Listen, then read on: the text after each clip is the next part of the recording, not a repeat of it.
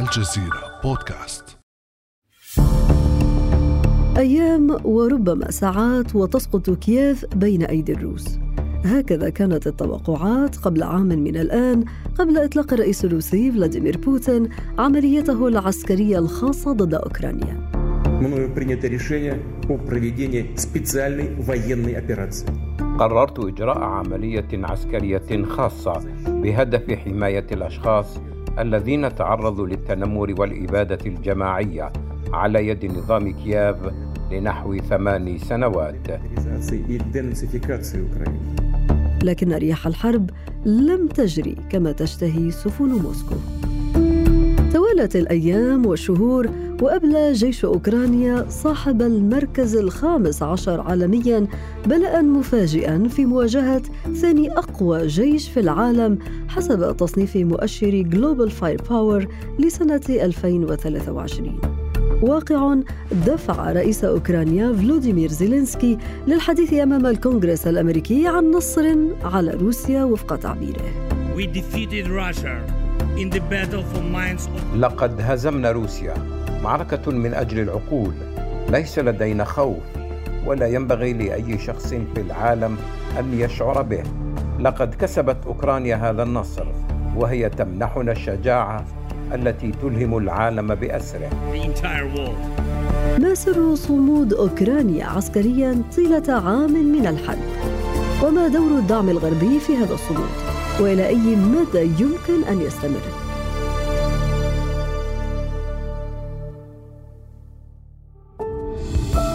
هذه أنا امال العريسي وهذه قصة جديدة من بودكاست الجزيرة بعد أمس.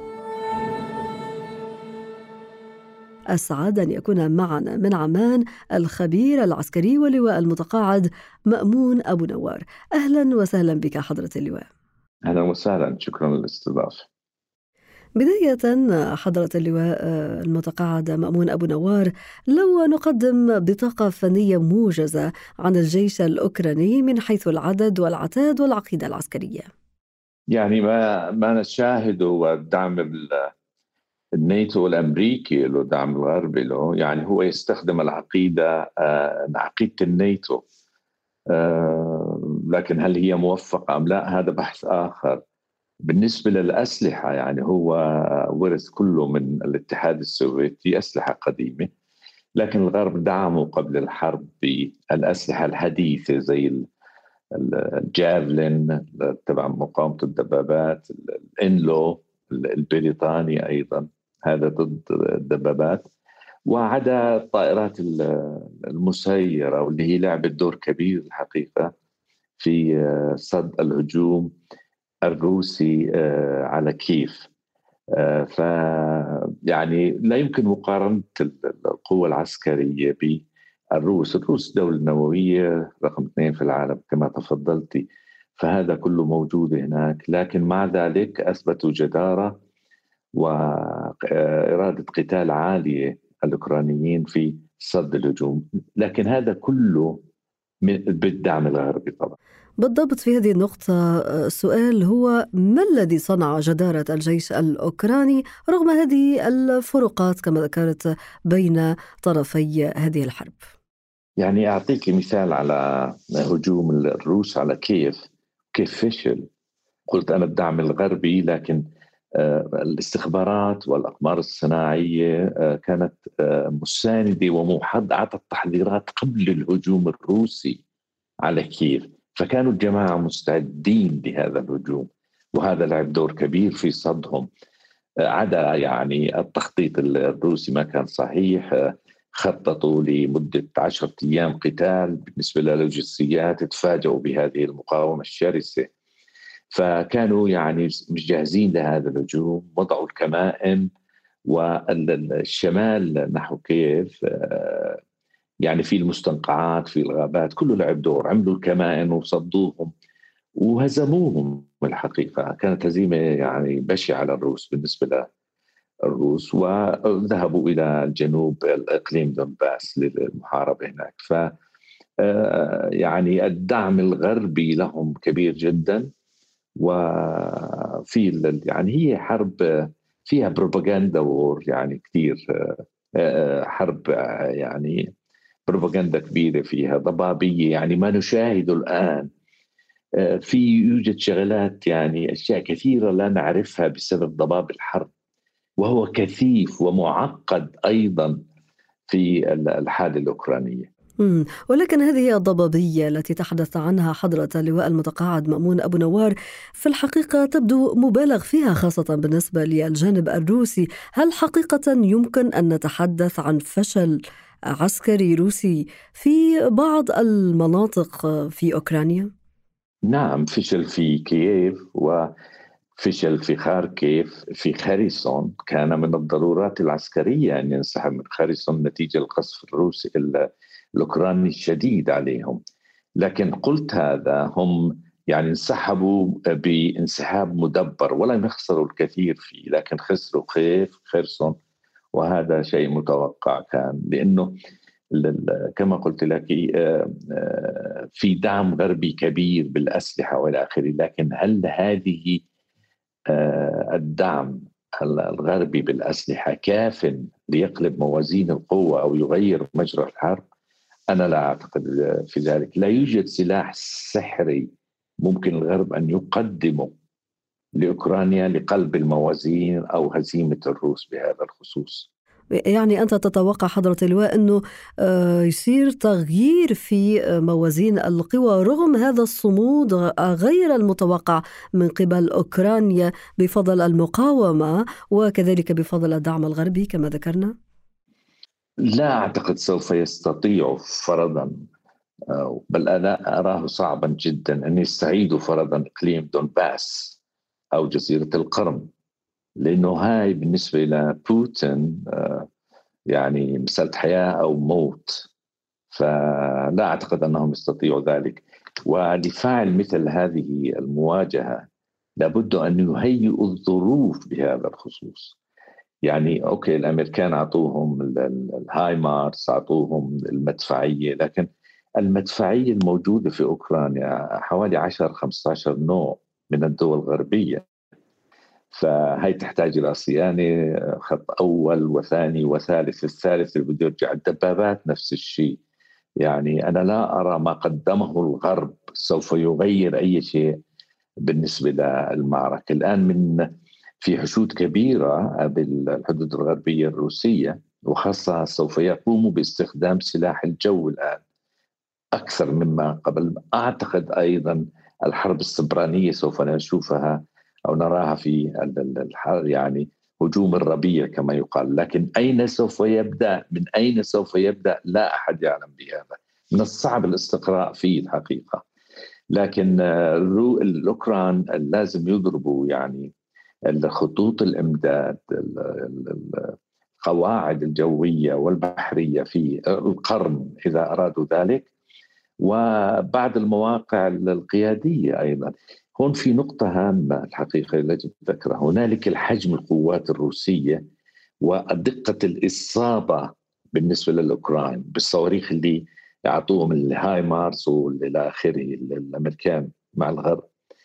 لكن من الصعب بمكان حتى لو أنت تمتلك الدقة بالإصابة أن يعني تؤثر بشكل كبير على المعنى لذلك أقول يجب أن يهيئوا الظروف قبل أي هجوم أوكراني نحو إقليم دونباس أو الجنوب لقطع الجسر البري بين آه، القرم وروسيا إذا نحن أمام مشهد عسكري لا تظهر فيه أي علامة على أن هذه الحرب على وشك الانتهاء أو باتجاه الحسم لطرف آه، دون آخر. ولكن هل برأيك هناك شعور لدى آه، الطرفين بأن الفترة ربما المقبلة والحرب تدخل عامها الثاني ستكون مواتية له وأن إلقاء السلاح الآن سيكون نوع من الخطأ الاستراتيجي في هذه الحرب؟ على فكرة لا يوجد تعريف نهائي للنصر يعني آه، أيضا الغرب دخل دعم في أهداف استراتيجية غير مفهومة يعني هل تريد فقط استعادة إقليم دونباس آه، القرم أم تريد هزيمة روسيا؟ هذا سؤال مهم يجب التفريق فيه الحقيقة. فبالنسبة لبوتين كما نراه يعني هو الكل يرى إنه شبه مسيطر على إقليم دونباس في مناطق معينة لا يزال بيحتاجوا إلى شغل أكثر يعني زي باخمت فرضا أنا اتوقعها سوف تسقط في القريب العاجل لا أستطيع أعطي أيام أو لكن سوف تسقط لأنها محاطة كليا. ما نسمعه يعني فاغنر ضد القيادات وزير الدفاع وإلى آخره هم كلهم على نفس الصفحة يعني يريدوا أن يربحوا هذه الحرب بغض النظر. آه، ف يعني أعتقد سوف يكون هنالك طحن بطيء الآن بالنسبة لاقليم دونباس نحو الغرب لغاية ما نرى ما هو هذا الهجوم في الربيع. آه، في مناطق معينة يجب السيطرة عليها زي كريمينيا زي باخموت وفولودار. هذا الخط مهم جدا لأنه هذا بيصبح بصير خط انطلاق نحو الغرب. ولغاية الآن يعني ما سيطروا عليها 100% يعني من السابق لأوان حضرة اللواء أن نقول أن أوكرانيا تجاوزت نوعا ما خطر السقوط. آه سقوط لا هاي حرب أجيال. أنا أعتقد المقاومة سوف تستمر بغض النظر ربحت. يعني هنالك مبالغة أيضا بالنسبة للإعلام في الغربي وبعض يعني الدول تقول آه، أوكرانيا انتصرت روسيا هزمت إلى آخره. يعني هذا مبالغ فيه الكلام الحقيقة أنت بتتكلمي عن دولة نووية كبيرة رقم اثنين في العالم. آه، ممكن أن تستخدم النووي إذا شعرت بتهديد وجودها. يعني في تهديد فيها. وبالنظر لصعوبة الاستشراف كما ذكرت حضرة اللواء أشير هنا إلى مقال الكاتب في صحيفة نيويورك تايمز الأمريكية توماس فريدمان قال فيه أنه الغرب لن يتراجع عن دعم أوكرانيا مهما كلف الأمر لأنه يعلم أن أي مفاوضات تترك القوات الروسية في مكانها على الأراضي الأوكرانية ستكون هدنة مؤقتة قبل محاولة بوتين التالية. وهذا صحيح هذا طموح بوتين هو يعني آه، قام في غزوتين الغزوة الأولى للقرم والآن الغزوة الثانية للهجوم على أوكرانيا. آه، آه، أنا أعتقد الأمر وصل الآن صعب بمكان خليني أقول هيك إن الناتو في مواجهة الروس أيضا. الناتو يمر في حالات عصيبة جدا بالنسبة للإنتاج الحربي تبعهم. فتصور يعني إذا هاجموا الأوكران أعطيك مثال على على دونباس فرضا. آه، كل قذيفة مدفعية أوكرانية سوف يقابلها 20 آه، مدفعية طلقة مدفعية روسية. فالمجهود أو الجهد الصناعي الغربي أعتقد بعد فترة لن يستطيع إدامة هذا الزخم بالمعركة، نحن الآن في حالة حرب استنزاف كبيرة. حتى الضربات البنية التحتية الروسية اللي هي تؤثر أنا برأيي على يعني على الحالة الاجتماعية اقتصادية والمجهود الحربي الأهم من ذلك بخلي يعني أوكرانيا باردة بالظلام إلى آخره. هاي كلها عوامل. لكن قلت هذا الحرب السبرانية أعتقد الأوكران ربحوها بطريقة ما لن نرى لها تأثير كبير أيضا. نتيجة يعني الهجوم السبراني الروسي فشل أمام الدفاع آه، السبراني الأوكراني. نتيجة آه، دعم الغربي شركات ال IT وال Microsoft وكذا. هدول هدول أقوى من جيوش في العالم أنا برأيي هيك إذا بدي أصفهم بالنسبة للحروب السبرانية. فهذا يعني وقفوا ربحوها بهذا الخصوص. لم يعزلوا زيلينسكي عن قياداته عن اتصاله إلى آخره. آه، فهم حاضرين لمثل هذه الحرب. يعني أوكرانيا كانت تجهز بالنسبة لهذه الحرب. نذير تحذيرات تحذيرات الغرب لكن آه، زي ما وصفت لك يعني الناتو يشكو من ضعف في دمج دفاعاته الجوية مع بعضها البعض. فكيف الحال سوف يكون في أوكرانيا؟ أوكرانيا تحتاج إلى دفاعات جوية. لن تستطيع حتى الآن إذا دخل سلاح الجو الروسي بكل قوة سوف يعني يؤثر على مجرى المعركة بشكل كبير ويمكن يكون العامل الحاسم أيضا لأنه سلاح قوي هو لا ليس بالسهل السلاح الجو الروسي مع صواريخ مع إلى آخره. كثافة نيران عالية جدا يعني سوف تؤثر على المجرى لكن هل تحسمها؟ لا. فلابد من دعمهم بوسائل الدفاع الجوي إلى آخره بالنسبة للأوكران لمقاومة هذه القوة الجوية طبعا. الخلاصة حضرة اللواء من السابق لأوانها القول كيف ستبدو نهاية هذه الحرب التي شهدت العديد من التطورات غير المتوقعه.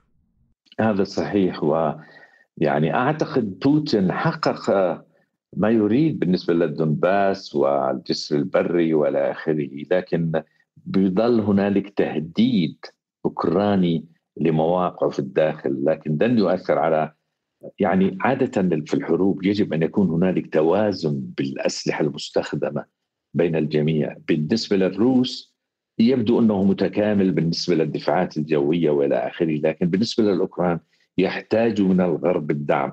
يعني على سبيل المثال يحتاجوا إلى الطائرات. لا يوجد عندهم طائرات الآن. طائرات ال F 16 اللي بيحكوا عنها ال F 16 هاي. حتى لو دخلت المعركة لن تغير الكثير وتحتاج حوالي آه، خمسة أشهر للطيارين لكي يتدربوا عليها. يعني أنا طيار سابق ويعني حلقت بهذه الطائرة وأعرفها جيدا. تحتاج وقت أربع أشهر ليقوم بعمليات قتالية جوية أرضية الطيار بغض النظر عن الخلفية تبعه. ف يعني هذه عوامل أخرى. يبدو الغرب أيضا لا يريد التصعيد مع الروس آه، لأنه لا يرغب بحرب شاملة بهذا الخصوص. يعني بهذا أستطيع أن أقول بوتين حقق ما يريد بعض الأهداف لكن ليس كله. هو يرغب الآن في وقف إطلاق النار لغايات كسب الوقت لطموحات أخرى بالمستقبل يعني خليني أقول هذا الشيء. لكن آه، سوف يأخذ وقت. هذه حرب طويلة ومعقدة. أنا بتوقع يعني بنهاية السنة يعني لابد أن الوصول لحل إنه عادة أي حروب يعني بس تبلش فيها أي مخطط عسكري بقول كيف سوف تنتهي هذه الحرب؟ ويجب أن يكون هنالك مقترنة بحلول سياسية. آه، ممكن أن نرى وقف آه، إطلاق نار. ممكن يعني هذا احتمال لكن دون تسوية سياسية. لأنها سوف تأخذ وقت. الاثنين مواقفهم صعبة وتحتاج إلى وقت كبير لهذه التسوية. الخبير العسكري ولواء المتقاعد مأمون أبو نوار شكرا جزيلا لك على كل هذه التوضيحات. شكرا سيدتي. كان هذا بعد أمس.